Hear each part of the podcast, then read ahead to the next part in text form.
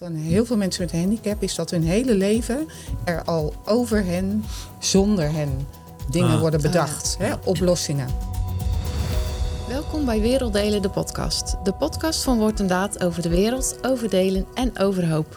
Wij zijn Rijnke en Jacoline en we gaan in gesprek met gasten en collega's over thema's in de ontwikkelingssamenwerking. Vandaag gaan we in gesprek met Dickie Nieuwhuis en Wim Blok over het thema de allerarmsten. Hoe en waar vind je ze? Dickie, je bent directeur van stichting SIU. SIU zet zich in voor mensen met een beperking in Afrika en Azië. En ik begreep net dat dat vooral een visuele beperking is. Welkom in de podcast. Eh, Wim, jij bent onze collega en expert op het thema allerarmsten bij Woord en Daad. Dus ook jij, eh, welkom. Dickie, kan jij eens omschrijven wat armoede is en wie dan daarin de allerarmsten zijn? Nou, dat is gelijk een hele, een hele grote vraag. Ehm, het, er zijn verschillende dimensies in armoede. Het, gewoon het, het kijken naar inkomen. Ehm, wat wij in ons werk ehm, ook zien, wij werken inderdaad veel met mensen met een visuele beperking, maar ook met andere eh, beperkingen in een aantal landen in Afrika en Azië. Dat ehm, het ra- raakt absoluut de portemonnee. Het behoren tot de allerarmsten, wat voor mensen met een handicap in ontwikkelingslanden eigenlijk vrijwel altijd het geval is, dat je echt tot de onderlaag behoort. Dus het raakt de portemonnee, eh, maar het is, het, is veel meer. Het eh, betekent ook eh, sociale isolatie. Dus wij zien in de, de groep met wie wij werken ehm, heel veel uitsluiting vanuit de gemeenschap, soms ook de familie zelf. Op het moment dat bijvoorbeeld een moeder een gehandicapt kind krijgt, in ehm, nou, een groot deel van de gevallen wordt hij bijvoorbeeld door haar man verlaten. En dus dat betekent ook direct heel concrete uitsluiting, belanden in armoede. Ja. En het betekent ook in heel veel gevallen zelfuitsluiting. Dus dat mensen eigenlijk in heel veel gevallen denken: oh, dit zal wel niet voor mij zijn. Hè, Deze training, nou weet je wel, ik in mijn situatie, eh, het komt vaak niet eens in ze op. is ook een deel dat het mogelijk Ja. ook voor hen is. En is daarvan ook nog een deel cultureel bepaald, Uitslu- wat uitsluiting betreft? Ja, je ziet absoluut verschillen eh, tussen landen. Van ook hoe, ehm, bijvoorbeeld als het concreet gaat over handicaps, hoe er naar mensen met een handicap wordt, wordt gekeken. Daar zitten culturele verschillen in. Eh, maar ik denk in zijn algemeenheid, als je gewoon eh, even het hele wereldplaatje en denk ook alleen maar al aan de situatie in Nederland. Ehm, ook in Nederland zien wij dat mensen met een handicap heel vaak tussen wal en schip belanden. Ik denk bijvoorbeeld aan de recente corona-discussie. Ehm, nou, daarin hebben we gezien dat het heel erg lang duurde voordat het belang van eh, mensen met een handicap serieus werd genomen in de besluitvorming in Den Haag. En dan zie je gewoon heel concreet in Nederland dat het hier al eh, vaak al maandenlang eh boksen is van belangenvertegenwoordigers om ook dat belang van eh, gehandicapte mensen goed Wat, mee te nemen. Wat voor belang was dat dan in, in dit geval? Ik zit echt te graven, maar... Ehm, nou, wat ehm, eh, bijvoorbeeld ehm, eh, als het ging om eh, instellingen voor mensen met een handicap, die zijn in eerste instantie natuurlijk gewoon een boom op slot gegaan. Oh, ja. Dat er ook geen enkele flexibiliteit was. Als je bijvoorbeeld denkt aan mensen met een verstandelijke beperking, mensen met ernstige vormen van autisme, was dat echt een ramp. En daar, nou, daar zat geen enkele flexibiliteit in. Dus dat Oh, was de ja. ene kant. Maar de andere kant is ook in de, de hele discussie rond. eh, ik weet niet of je de discussie rond doorhoud eh, eh, Mm, ja. Ja. herinnert. Ja. Ehm, en de andere kant is natuurlijk dat er eh, ook groepen zijn die enorm hebben gepleit voor meer eh, eh, openheid. En dan maar de kwetsbare groepen. Ja, die moeten we dan gewoon maar in tehuizen en Ja, eh, afgesloten plaatsen bij elkaar zetten. Ja.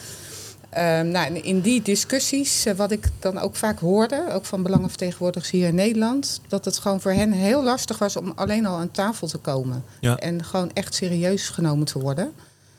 Dus het speelt ook in Nederland, ja. waar we eigenlijk Ja. een verzorgingsstaat hebben. En ja, je zou denken dat dit niet voor zou eh, Ja. moeten Nou, en ook in Nederland, als je kijkt naar armoedecijfers, die zijn echt hoog onder eh, gehandicapte mensen. En bijvoorbeeld mensen met visuele beperking. Als je kijkt naar wer- werkloosheidscijfers in Nederland.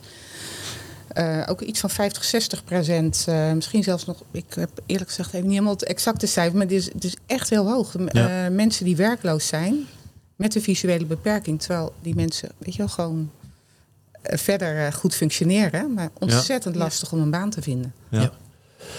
Uh, Wim, bij Wortendaad werken we ook al meer dan 40 jaar in armoedebestrijding. En toch hadden we de allerarmsten niet altijd goed in het vizier. Kan je daar iets over vertellen? Ja, um, kijk, we hebben wel altijd gezegd van uh, wij, wij onze project, in, in onze projecten willen we de allerarmsten helpen. He, dus in, in, die zin uh, was die groep uh, in woorden, wel in beeld om het zo maar eens te zeggen. Hè? Maar het was met name door het onderzoek van de Universiteit van Amsterdam, professor Ton Dietz, en later het vervolgonderzoek van Annika Altaf, dat we ons veel bewuster zijn geworden van, van het feit dat er een groep is binnen onze doelgroep, hè, die zijn we dan de allerarmsten gaan noemen, um, die, die vaak buitengesloten worden. En die we dachten te bereiken, dachten mee te nemen in onze projecten.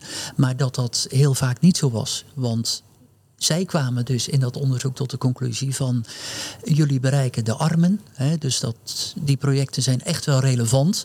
Maar er is een groep, de allerarmsten, die je, die je niet bereikt. En en dat heeft te maken met de dingen die, eh, die Dickie al, uh, noemde. Hè? Dat, um, het zijn mensen waar vaak een stigma op rust, die buitengesloten worden door hun gemeenschap, uh, maar die ook zichzelf uitsluiten.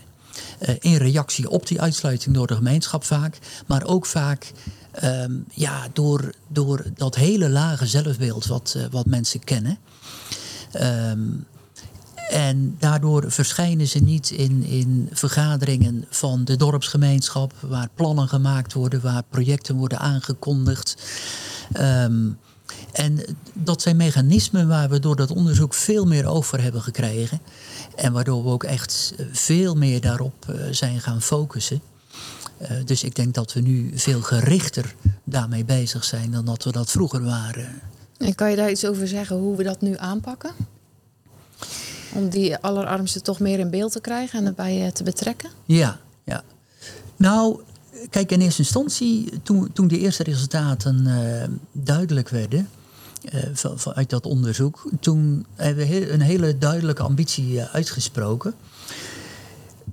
Toen, na na een poosje realiseerden we ons van ja, maar ambitie en de wil om hier iets aan te doen is niet voldoende. Je moet er heel concreet mee aan de slag. Dus wat we nu doen, is dat we ook heel duidelijk uh, doelstellingen daarop uh, op zetten.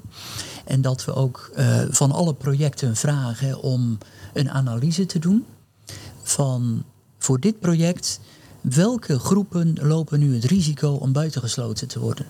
Nou, hebben we ook een, uh, een scan voor ontwikkeld. Daar hebben we onder andere ook het advies van, uh, van CIU bij, bij gevraagd.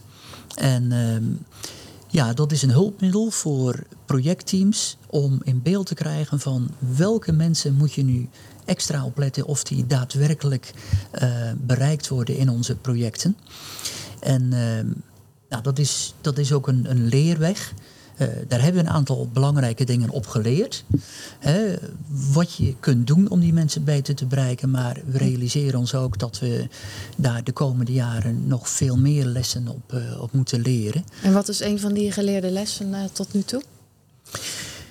Um, nou, dat je bijvoorbeeld um, als je um, voor als je een nieuw project start en je nodigt de dorpsgemeenschap uit um, om zich aan te melden om deel te nemen in een project, dat dat niet voldoende is voor deze groepen. He, want door dat lage zelfbeeld uh, sluiten mensen zichzelf uit. En ze vinden zichzelf um, ja, te weinig waard om hier aan deel te mogen nemen. He, dat is een, een, ja, wat mij betreft ook een heel aangrijpend mechanisme wat je, wat je ziet bij, bij deze groepen. Maar wat kan je daar als organisatie dan aan doen? Want dit is een. Ja, je, je moet ze dus heel gericht opzoeken van, uh, en, en, en ook uh, waar mogelijk ze ook persoonlijk uitnodigen. En duidelijk maken, dit is ook voor jullie bedoeld. Dat is één ding. Een ander ding is ook dat je soms, afhankelijk van de, de specifieke groep waar het om gaat, ook toch een aantal extra dingen moet doen om hen te laten aansluiten. Omdat ze vaak toch een aantal uh, heel basale skills uh, missen om, om direct mee te gaan met de, met de groep. En vooral ook ja, de, de, het zelfvertrouwen missen hè, om, om aan te sluiten. Dus daar moet je vaak heel gericht uh, aandacht aan geven.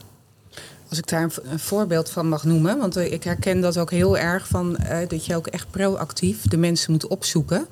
Is wat wij in ons werk van ehm, zien, is dat bijvoorbeeld als er ehm, onderzoekers langs deuren gaan, bijvoorbeeld bij een community onderzoek, van welke mensen wonen hier nou, leven hier nou. Op het moment dat een onderzoeker aanklopt bij een familie en die vraagt van hebben jullie een gehandicapt kind, familielid, dan is heel vaak het antwoord nee. En ook als er een gehandicapt kind in de familie is, omdat het stigma rond handicap al zo groot is, dat je geen ja daarop zegt. Of in bepaalde gevallen ook dat gewoon heel letterlijk een gehandicapt kind niet meegerekend wordt in het, uh, het aantal kinderen uh, wat je hebt. Dat, ja. Dus uh, nou, hoe kan je dat dan oplossen? Is uh, ja, eigenlijk ook wel weer een eenvoudige stap, maar wel super belangrijk. Is dat je dan uh, die onderzoekers, uh, dat dat mensen met een handicap zelf zijn. dus laat oh, ja. een blinde onderzoeker, laat iemand die in een rolstoel een gehoorbeperking heeft. En alleen het feit wel dat iemand met een handicap dat werk doet, dat is vaak al een enorme eye-opener. Van hé, hey, dat is iemand die heeft gewoon een serieuze job. Um, en die kan. Ja en daarnaast, hè, wat dan ook uh, bekend is, is je kan ook vragen stellen zonder bijvoorbeeld het woord handicap te noemen. Dus gewoon door concreet te gaan bevragen. En van, uh, heb je familieleden die nou, bepaalde zaken niet kunnen? En dan zonder ook uh, het te benoemen. Maar met name het inschakelen van de mensen zelf. En ook als het bijvoorbeeld gaat om het bouwen van zelfvertrouwen, ja. zetten wij in onze programma's heel veel jongeren met een handicap in. En dat zijn die zelf, lokale jongeren? Ja, gewoon lokale jongeren die zelf helemaal dat proces hebben doorgemaakt. Die zelf weten wat dat is. Ja, als jij, jij jarenlang nooit de vraag hebt gekregen van wat word jij later? Uh, en dan moet je opeens na gaan denken over welke talenten jij hebt. Ja, weet je, dat, nou, en dat begrijpen van waar je dan doorheen moet. Um, en als dan die jongeren hè, weer andere gehandicapte jongeren mee gaan nemen in dat traject. Ja, dat is zo anders. Dus ook gewoon een stuk ervaringsdeskundigheid inbrengen is echt super belangrijk. Maar die jongeren die dat voorbeeld geven, zeg maar, die dan uh, langs gaan, die zijn er dus wel. Want ik kan me voorstellen dat in bepaalde landen een soort stigma is dat jongeren dus ook niet um, naar zijn dorp toe willen gaan om uh, anderen te vinden. Ja, die, die zijn er wel, maar, dat, uh, maar ook dat vraagt weer een hele gerichte aanpak om echt te scouten van wat zijn jongeren met een handicap die uh, ja, weet je, wel bepaalde vaardigheden hebben om ook uiteindelijk weer andere jongeren te coachen. Dus daar, daar hebben wij ook echt programma's voor om uh, nou, te kijken waar vind je die jongeren, wat hebben die dan nodig om uiteindelijk een coach te worden voor andere jongeren. Maar wat wij ook doen is bijvoorbeeld dat je juist die jongeren uh, naar vakscholen laat gaan, naar bedrijven laat gaan en daar aan de deur laat kloppen van hey, hebben jullie er wel eens over nagedacht? Dat ook uh, jonge mensen met een handicap bij jullie in dienst kunnen. Hè, of bij jullie op school kunnen komen. En alleen al het feit dat dan bijvoorbeeld zo'n ondernemer een jongere ziet van die daar met zelfvertrouwen aanbelt, weet je, dat doet al zoveel meer dan wanneer je gewoon ja, een uh, hulpverlener van een lokale partner, uh, zeg maar de gebruikelijke NGO-medewerker uh, laten aanbellen. En uiteindelijk wordt, uit, uiteraard wordt dat dan vervolgens weer opgevolgd door ja, een van onze lokale partners. Maar dat zijn wel allemaal manieren die dus ook heel erg inspelen op beeldvorming en ook bewustwording. Um, van uh, dat mensen met een handicap, en ik kan me ook voorstellen dat dat geldt voor mensen die echt uit extreme armoede komen. Ja, ja. Daar zit natuurlijk zo'n beeldvorming omheen. Uh, ja, dat kan je het beste doorbreken door dit soort rolmodellen ook uh, echt goed in te zetten. Ja, ja. ja. Wordt inderdaad zegt ik ook van we werken bewust met lokale partners, maar zelf die lokale partners kennen niet altijd die mensen die dan ergens weggestopt zitten. Uh, kunnen we, ja, hoe kun je daar nog verder achter de voordeur komen dan? Ja, ja, dat, dat is wisselend. We hebben uh, lokale partners die juist wel heel erg in die lokale gemeenschappen ook wel um, aanwezig zijn, omdat hun lokale medewerkers ook, ook zelf in die dorpen wonen. Maar goed, anderen die, die wat grotere werkgebieden hebben, daar is dat niet altijd het geval voor. Ja, dan zul je toch uh, via, nou ja, een, een, een lokaal dorpshoofd bijvoorbeeld. Um, uh, erachter moeten komen van ja, waar wonen die risicogroepen? Wie zijn hier de risicogroepen? Hè? Ehm, en, en goed, ik, ik zeg nou dorpshoofd, eh, dat, daar moet je dan wel heel gericht het gesprek mee aangaan. Hè? Want vaak zijn dat ook juist de mensen die eh, ja, vooral gericht zijn op uh, de, de, de dorpsgenoten die, ehm, wat, die het wat beter hebben en bij wie juist die allerarmsten ook niet in beeld zijn.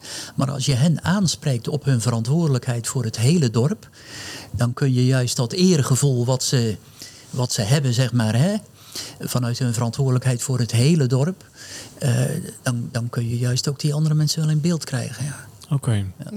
En spelen dan bijvoorbeeld overheden of lokale overheden nog een rol hierin? Dat is eigenlijk een vraag aan allebei ook. Ja, ja zeker. Dat, maar goed, ik zie jou uh, denken en. Uh...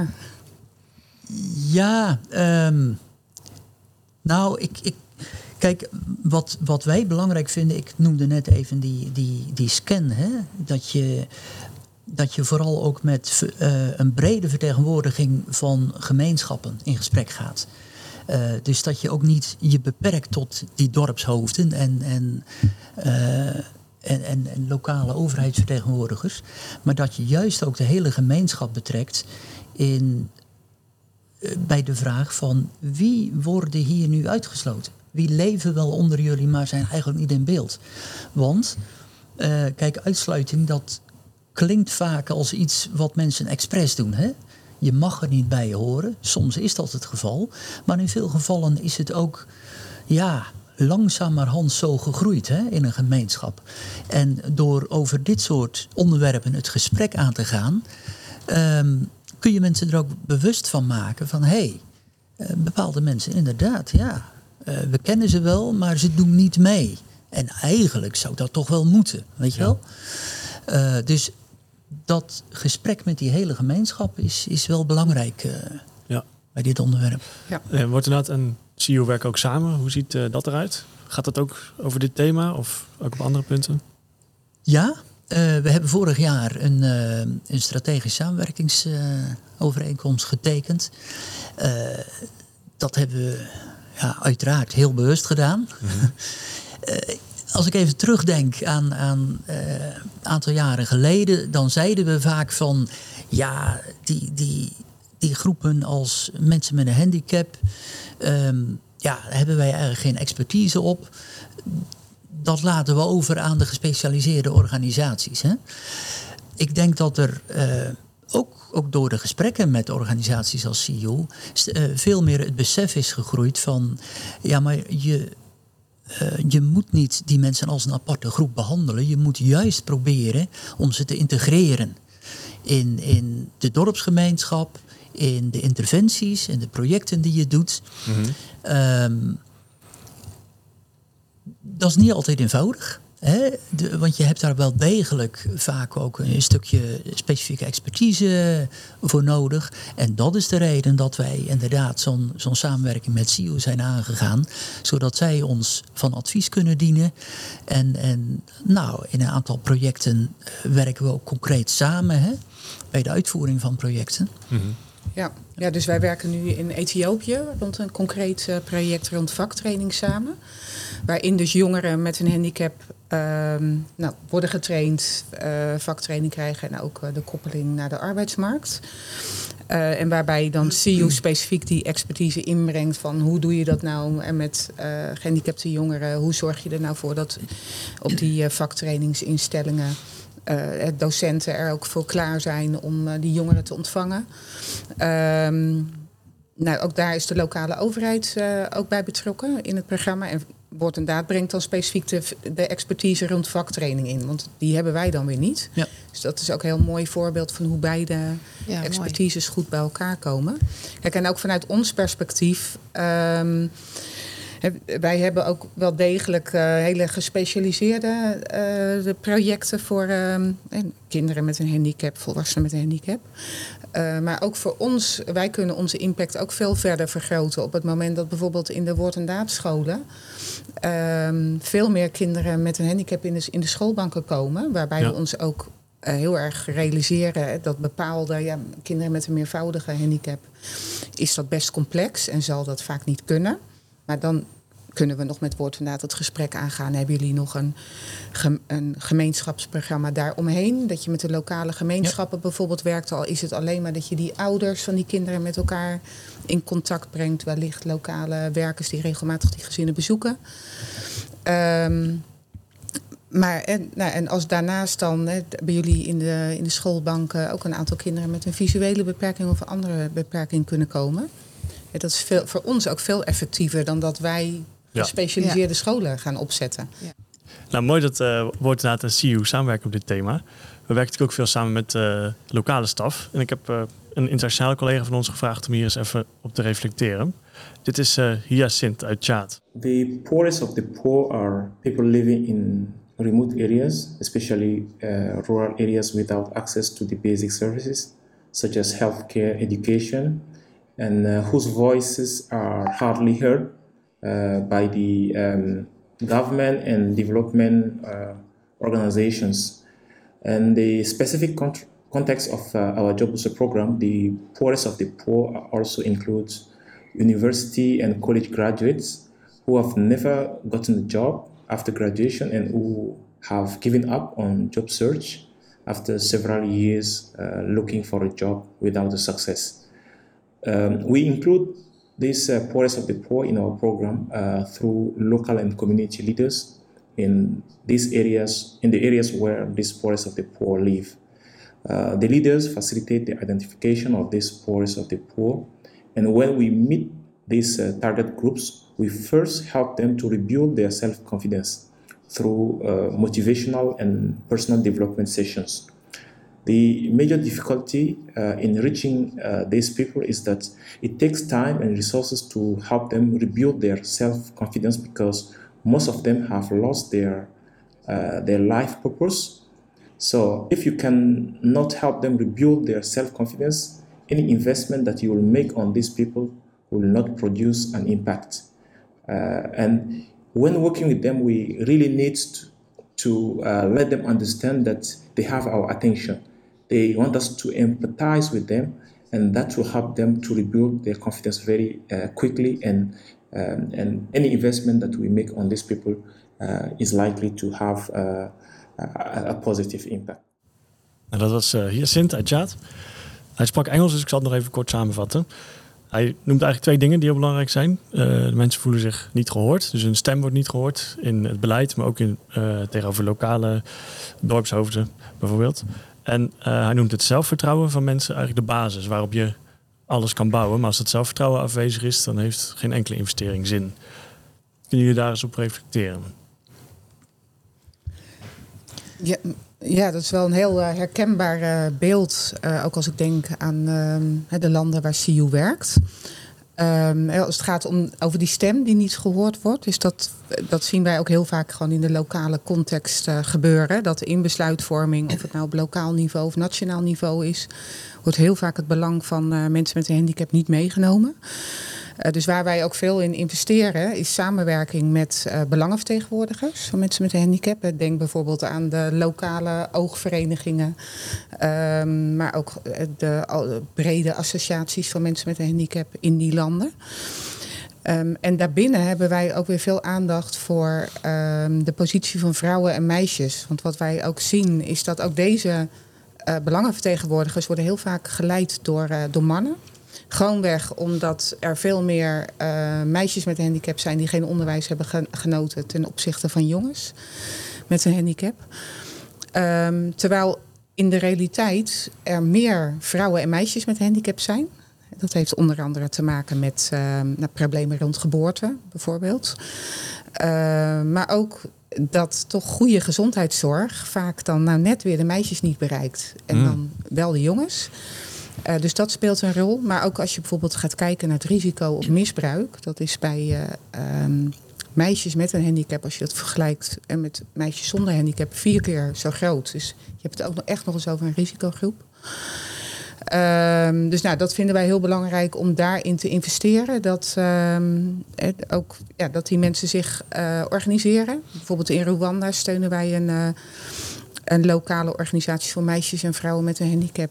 Uh, die echt zelf het voortouw hebben genomen van nou, dit is zo'n groot probleem in ons land. En dat eh, nou, het belang van meisjes en vrouwen met een handicap niet wordt gehoord. Ehm, dus dan kijken we ook samen met hen van hoe kunnen wij jullie vers- verder versterken, zodat ook in die lokale samenleving ook echt naar jullie geluisterd wordt. Ja. ja. En dat eh, zelfvertrouwen, Wim, kun jij daar eens op ingaan? Ehm, ja. Ehm, wat ik in, in eh, de bijdrage van Hyacinth heel erg herkende eh, is... ehm, eh, ja, er zijn verschillende manieren waarop mensen uitgesloten kunnen raken. Hè? En hij noemt dat aspect van... ja, als je onzichtbaar bent omdat je verre weg woont... ehm, eh, zodat je voor overheden, voor hulporganisaties... eigenlijk eh, onzichtbaar bent, ja, dan kan dat ook leiden tot, eh, tot een gevoel van eh, op jezelf ehm, aangewezen zijn. En niet aangesloten zijn op de rest van de wereld, om het zo maar eens te zeggen, de rest van het land. Eh, en dat, dat heeft ook te maken, dat vond ik heel treffend in zijn bijdrage, ehm, dat, dat leidt dan ook tot, tot een gevoel van, van lage zelfwaarde. Hè? Van ja, als niemand naar ons omziet, dat zal dan wel een reden hebben. Dat zal wel met ons te maken hebben. Ehm, en eh, daarom eh, deze groepen mensen die, die dus in heel afgelegen gebieden eh, wonen, die, die vormen ook onderdeel van ons beleid om die, ehm, de onbereikten beter te bereiken. Het is begonnen met het onderzoek van, van Annika waar we over spraken. Ehm, dan, dan gaat het vooral om mensen die leven binnen eh, gemeenschappen die op zich wel bereikt worden als gemeenschap, maar waarbinnen dan die mensen niet bereikt worden. Maar we zijn ons steeds meer ervan bewust eh, geworden dat, dat ook die, die mensen die ja, in geïsoleerde gebieden eh, wonen, daar ook bij horen. Ja. Ja. Maar wat ik me dan nog afvraag, dan zijn ze bereikt, zeg maar. Maar hoe kan je ze dan betrokken houden bij bijvoorbeeld een project? Omdat het ook een groep is die misschien wel sneller uitvalt. Of weer afvalt. Nou, een, een heel belangrijk punt, eh, dat, dat noemde Hyacinth al, dat is dat je. ehm, kijk, ze hebben op materieel gebied allerlei zaken eh, nodig om, in hun, eh, om een menswaardig bestaan te kunnen leiden. Hè, ze moeten basisvoorzieningen hebben. Maar veel belangrijker is nog dat hun manier van denken over zichzelf en over hun mogelijkheden, dat dat verandert. En, en dat is denk ik eh, voor ons allemaal de les, dat we dat vooral niet moeten vergeten in onze projecten, om daar aandacht eh, aan te geven. Het on- onderzoek van Annika, ehm, dan zegt zij eh, over het onderzoek, zegt ze in een interview, ehm, je hebt wel een langere adem nodig dan bijvoorbeeld een vierjarige beleidscyclus van buitenlandse zaken. En je moet je niet laten drijven door de prestatiedruk van meetbare resultaten. Juist die cijferdwang leidt ertoe dat organisaties de allerarmsten links laten liggen, omdat met hen niet makkelijk te scoren valt. Zijn wij daar ook gevoelig voor? Ehm, Dat we in ons jaarverslag graag ja, laten zien dat er veel ontwikkeling is. Dat, we, ja, dat er veel jongeren afgestudeerd zijn, veel banen gecreëerd. Nou, laat ik het een, een heel groot risico noemen. Ehm, kijk, het klinkt alsof het dan een keuze is. Je, je, je gaat voor de cijfers, voor de aantallen. ehm, en je laat daarom de allerarmsten maar links liggen. Ehm, ik denk dat het zo bewust niet gebeurt. Alleen het is wel een risico. Want ja, eh, je hebt afspraken met donoren. Eh, je krijgt een hoeveelheid geld. Daarvoor zul je zoveel mensen bereiken. Nou, dan is het een risico om, om dan ehm, ja, die, die groepen die, waar extra inspanningen voor nodig zijn om die goed te bereiken, om, om dat dan maar even niet te doen. Nou, ik denk, eh, eerder waren we ons van dat risico eigenlijk eh, nauwelijks bewust. Daar zijn we ons nu heel goed van bewust. Dus we spreken daar nu heel bewust over. En dan, dan blijft het een spanning en dan, dan blijven er lastige vragen. Ehm, maar ik, ik, absoluut eh, denk ik dat, dat we daar nu beter eh, mee omgaan dan, eh, dan eerder. En op het moment dat je weet dat die groepen er zijn in het gebied waar jij je projecten uitvoert, dan kun je ook heel bewust zoeken naar manieren om ja, misschien extra middelen te vinden om wat extra te doen voor die groepen, om hen ook mee te laten nemen. Ja. Is niet altijd extra- nodig, maar vaak wel. Ja, maar dit is ook de reden waarom wij vanuit CIU ook eh, proberen beleid te beïnvloeden. Ook van eh, bijvoorbeeld eh, het Nederlandse ministerie van Buitenlandse Zaken. Eh, want je kan dit heel erg vanuit efficiëntie gaan bekijken. Ja, als je zo'n groot mogelijk aantal mensen wil bereiken, kan je beter niet mensen met een handicap mee gaan nemen. Eh, is heel cru eigenlijk wel, hè? ja, maar op het moment dat je zegt van wij vinden het van belang dat wij echt investeren in het tot stand brengen van een inclusieve samenleving. ehm, ja, dan is het ook belangrijk dat je als donor dat als criterium meeneemt. Op zijn minst het beloont. En dan eh, enerzijds gaat het wel om een, een duurdere investering. Gewoonweg een jongere met een handicap naar werk leiden. Daar moet je meer in investeren dan een jongere zonder handicap.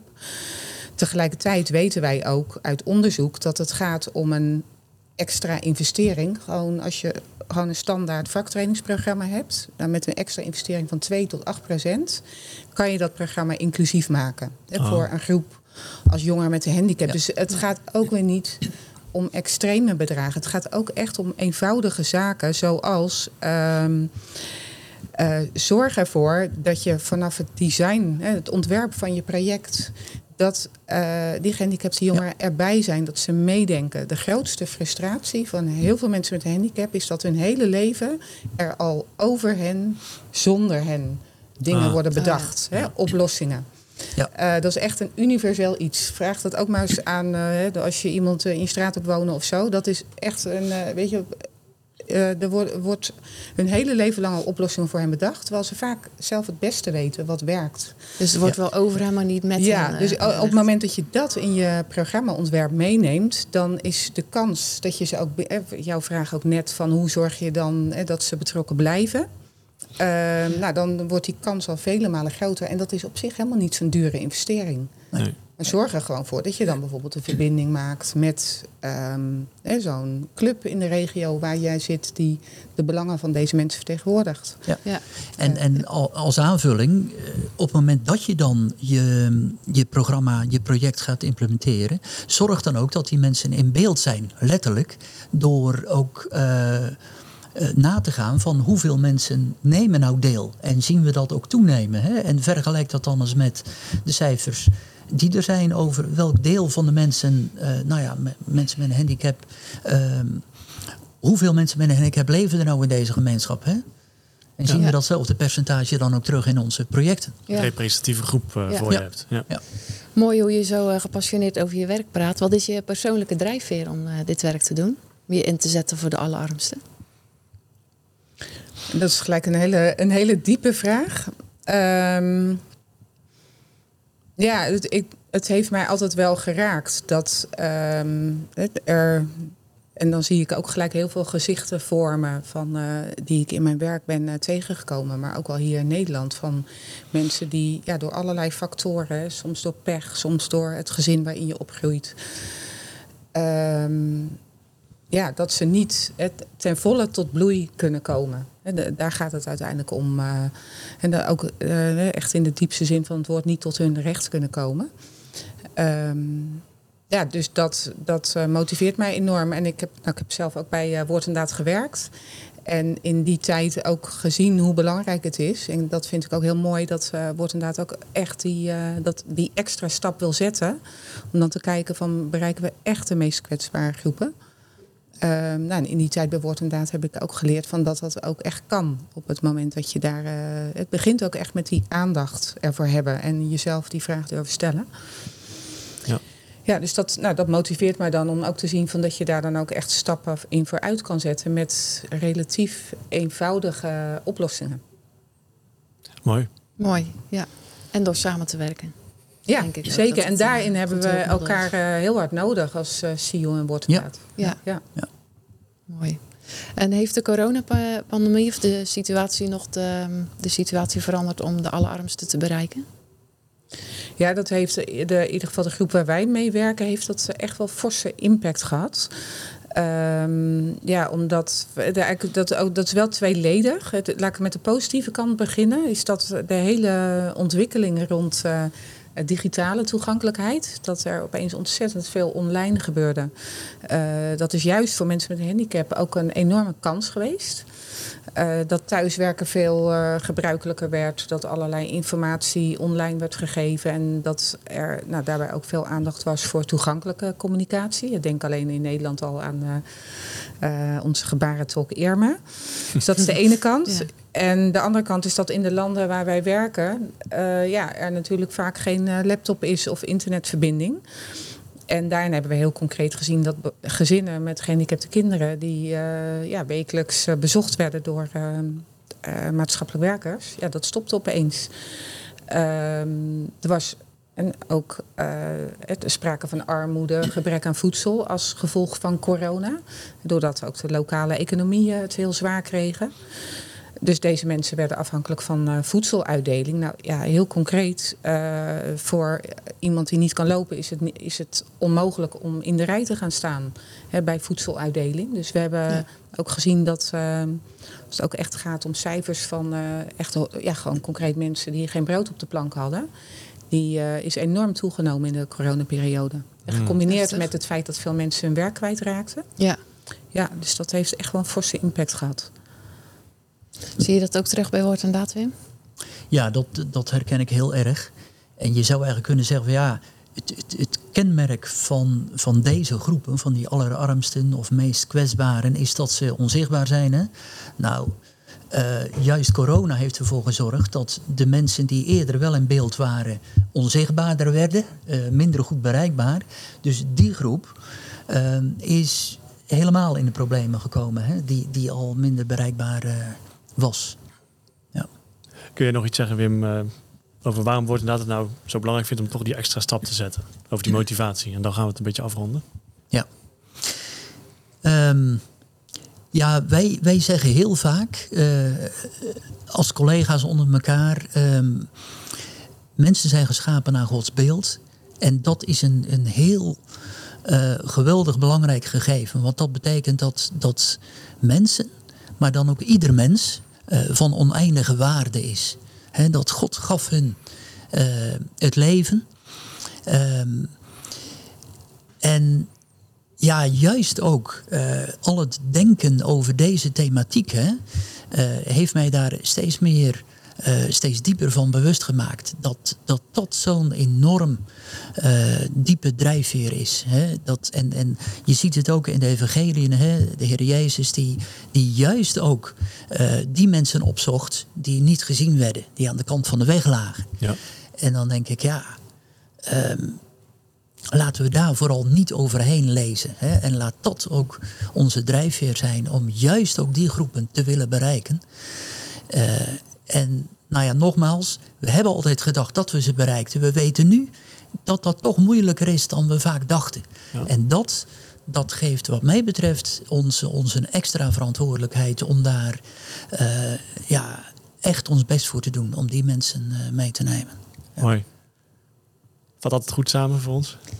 Mooie afsluiting. Dan vond ik het wel mooi ja. afsluiten. Ja. Ja. ja, kan ik alleen maar uh, amen op zeggen. Ja, zeker. Mooi. Bedankt voor het gesprek.